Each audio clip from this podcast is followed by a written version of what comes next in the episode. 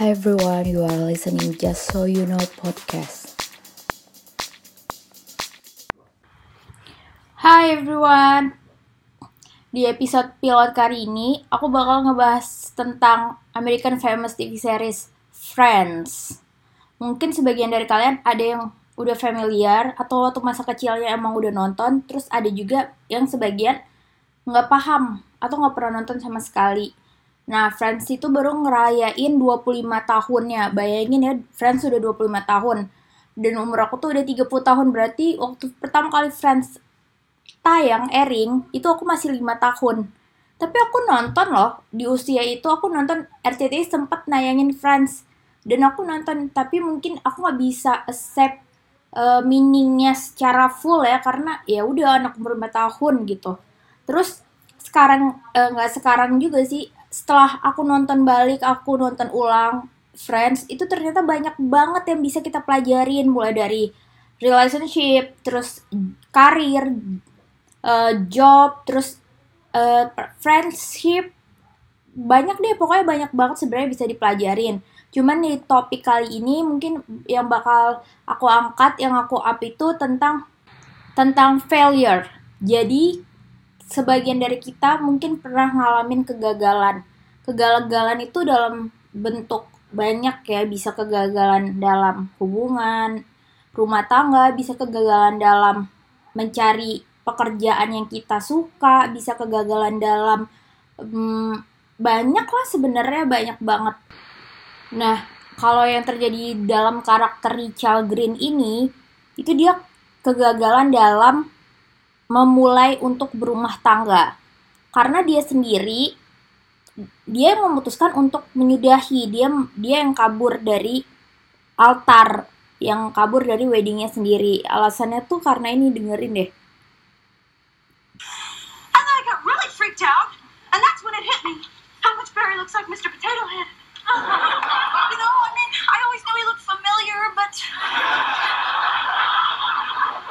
Anyway, I just had to get out of there, and I started wondering why am I doing this, and who am I doing this for?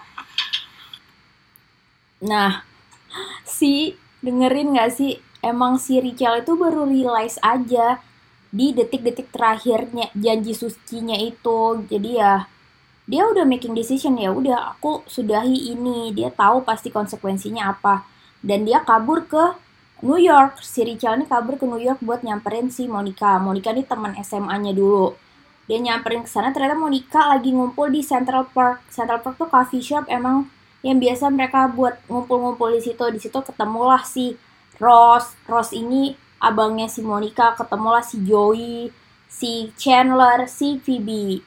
Udah pada ngomong. Nah pada saat itu juga Rose ini lagi menghadapi kegagalan dalam pernikahan karena dia tahu dia baru tahu sebenarnya ternyata istrinya itu lesbian. Jadi ya dia broken hearted sih. Ya udah kayak masih galau-galaunya lagi ceritanya. Terus Rachelnya datang si jadi di antara lima karakter ini yang lagi ngerasa failure itu sebenarnya semuanya.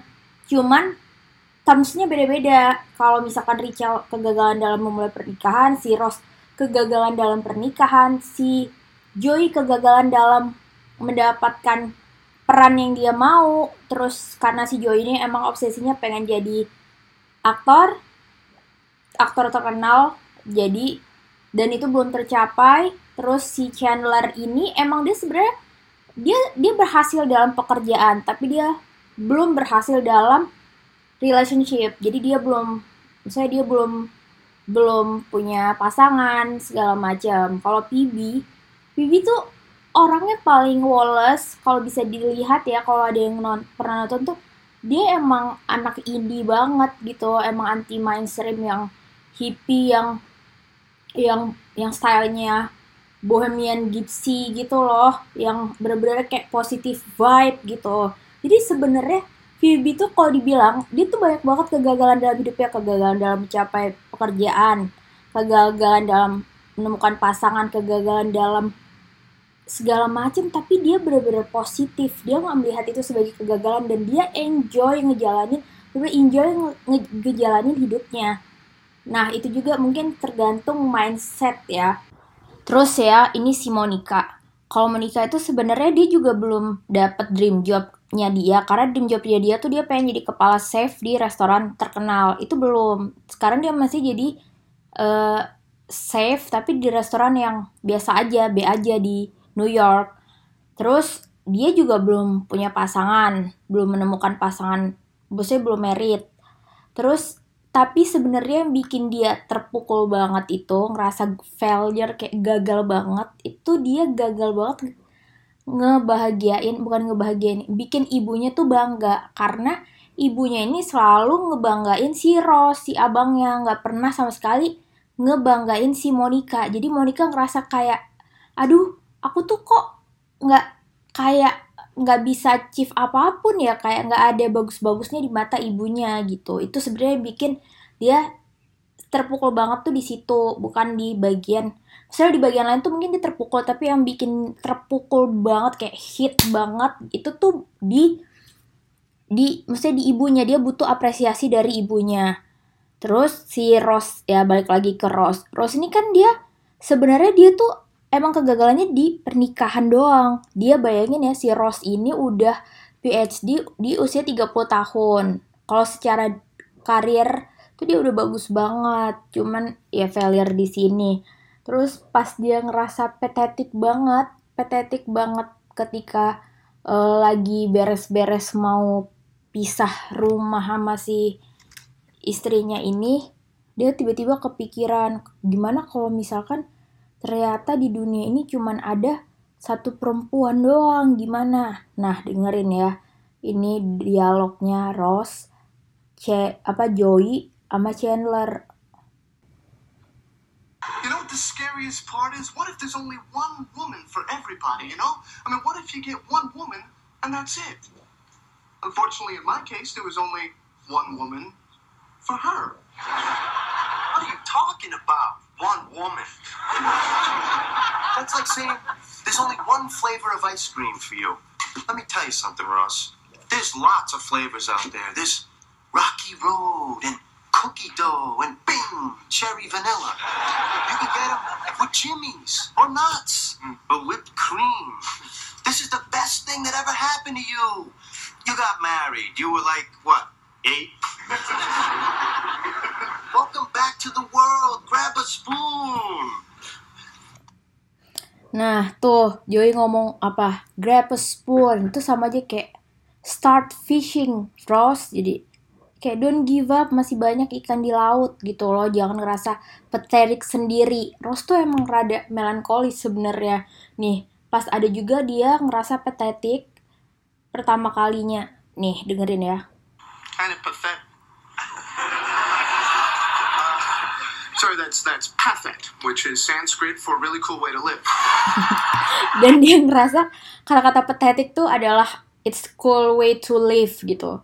Ya dia udah mulai bisa ini sih embrace. Bisa mulai embrace his flaws. Jadi kayak ya udah sih jalanin aja. By the way, in terms of jalanin aja itu tetap bakal maksudnya kita bakal ngerasa ups and downs in the process to achieve what we want to live gitu. Tapi ya emang nggak ada kata lain dijalanin dinikmatin. Itu semua. Contoh nih waktu si Rachel pertama kali ngejalanin hidup de maksudnya hidup sendiri. Karena Rachel ini sendiri kan emang anaknya spoil banget. Anaknya belum independen. Jadi selama ini dia masih disubsidi sama orang tuanya. Terus pas pindah ke New York dan harus mulai hidup sendiri temen-temennya tuh encourage dia untuk nggak nggak lagi bergantung sama orang tuanya. Kayak waktu temen-temennya find out Rachel abis shopping, terus padahal dia kan belum ada kerja. Terus ternyata pas ditanya lah, kok kok bisa shopping pakai uang siapa gitu. Terus dia bilang lah, aku shopping pakai kredit card. Lah terus kredit cardmu siapa yang bayarin? Ya papaku. What? Jadi kayak pada yang lain tuh langsung pada encourage dia supaya nggak kayak gitu lagi. Jadi semuanya tuh langsung ya udah kredit cardmu dipotong aja dipotong dipotong. Nih nih ada nih dialognya. Anyway,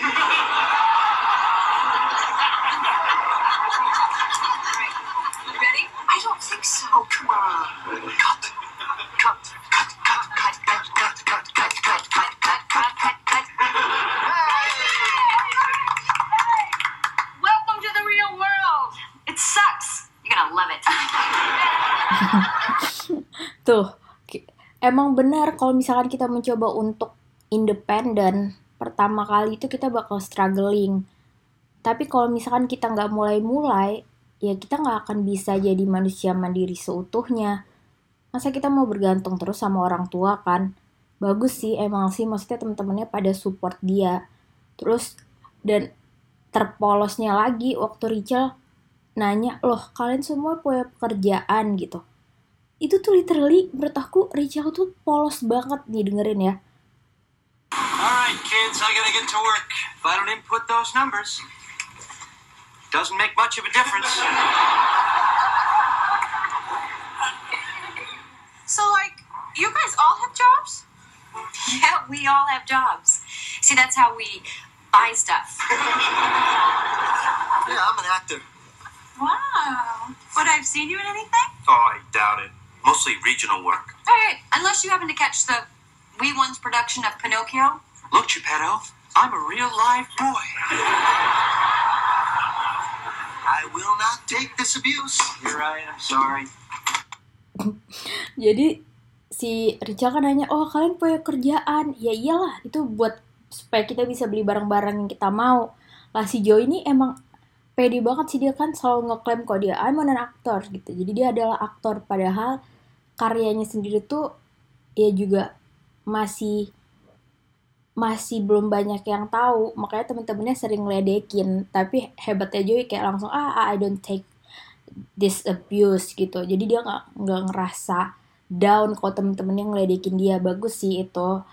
Emang dia confident aja sih. Emang si Joey ini self esteemnya tuh tinggi terus waktu si akhirnya si Rachel kerja pertama kalinya dia kan jadi waitress di Central Park itu.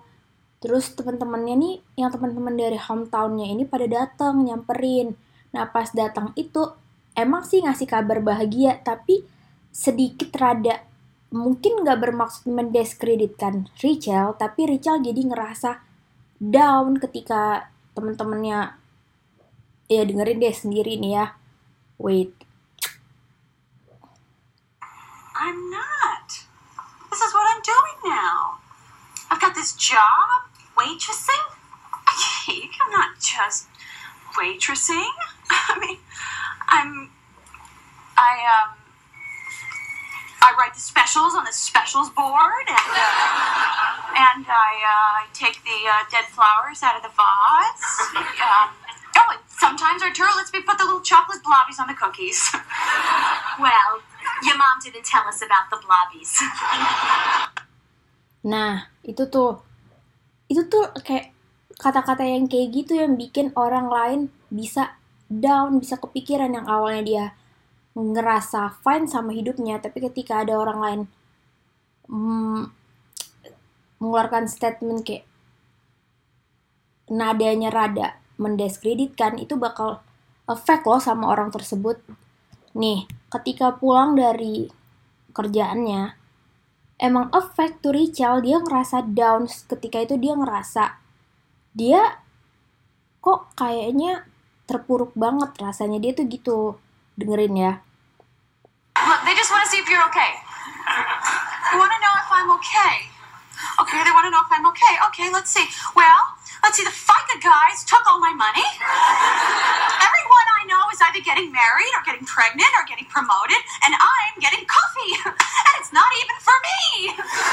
So if that sounds like I'm okay, okay, then you can tell them I'm okay, okay? tuh kan ketika teman-temannya datang teman-temannya tuh kan cerita kalau dia eh aku dapat promote aku dipromosiin gitu terus tadi aku bak- bakal mau nikah aku bakal punya anak pertama dan bla bla bla bla bla sebenarnya dia nggak apa-apa cuman dia dia dia tetep loh maksudnya tetep loh ngerasain kayak loh gue belum apa-apa nih gitu. Jadi dia ngerasa nggak oke padahal temennya mungkin nggak ada maksud buat bikin dia nggak oke tapi dia akhirnya ngerasain itu. Itu adalah manusiawi. Dan dari situ tuh dia ngerasa kayak aduh hidup gue nggak punya planning banget ya. Pas dia bilang dia nggak punya plan terus akhirnya mau nikah sama Pibi jadi ngerasa kayak aku juga nggak punya plan sih dalam hidup gitu nih I'm so sorry, you guys. I didn't mean to bring you down. No, you were right. I don't have a plan. Hmm, bener-bener yang jadinya efek tuh semuanya tuh ya ke semua orang yang di sekeliling kita. Padahal cuman dari satu momen ya. Terus ini si Joy, tapi kayaknya kalian harus harus punya mental kayak Joy deh. Nih, Joy waktu nggak dapat pekerjaan, padahal tahun lalu tuh dia dapat pekerjaan itu. Pekerjaan jadi Santa Claus nih dengerin ya.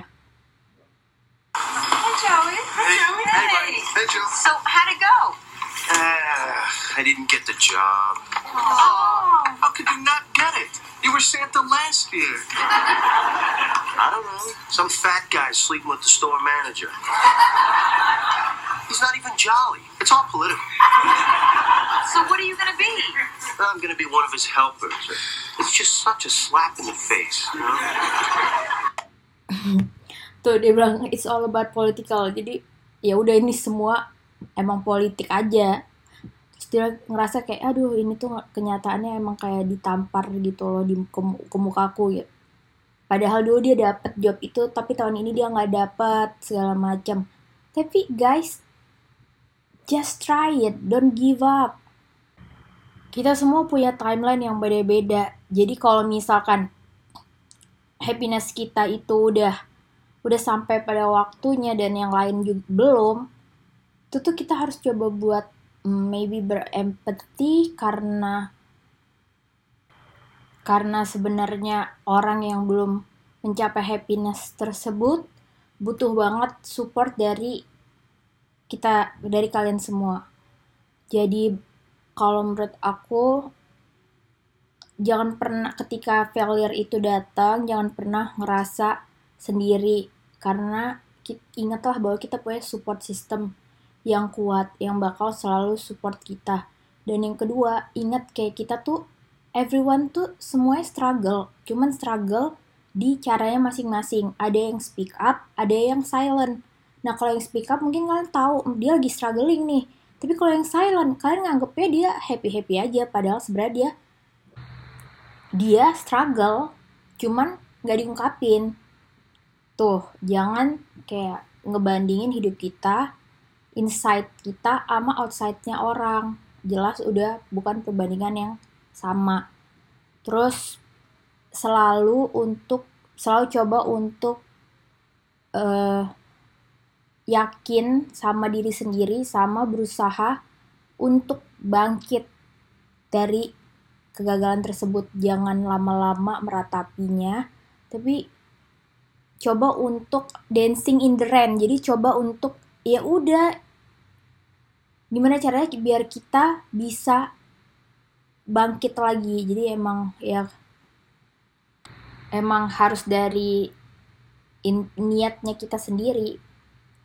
Niatnya sendiri untuk jadi pribadi yang lebih baik dari yang sebelumnya.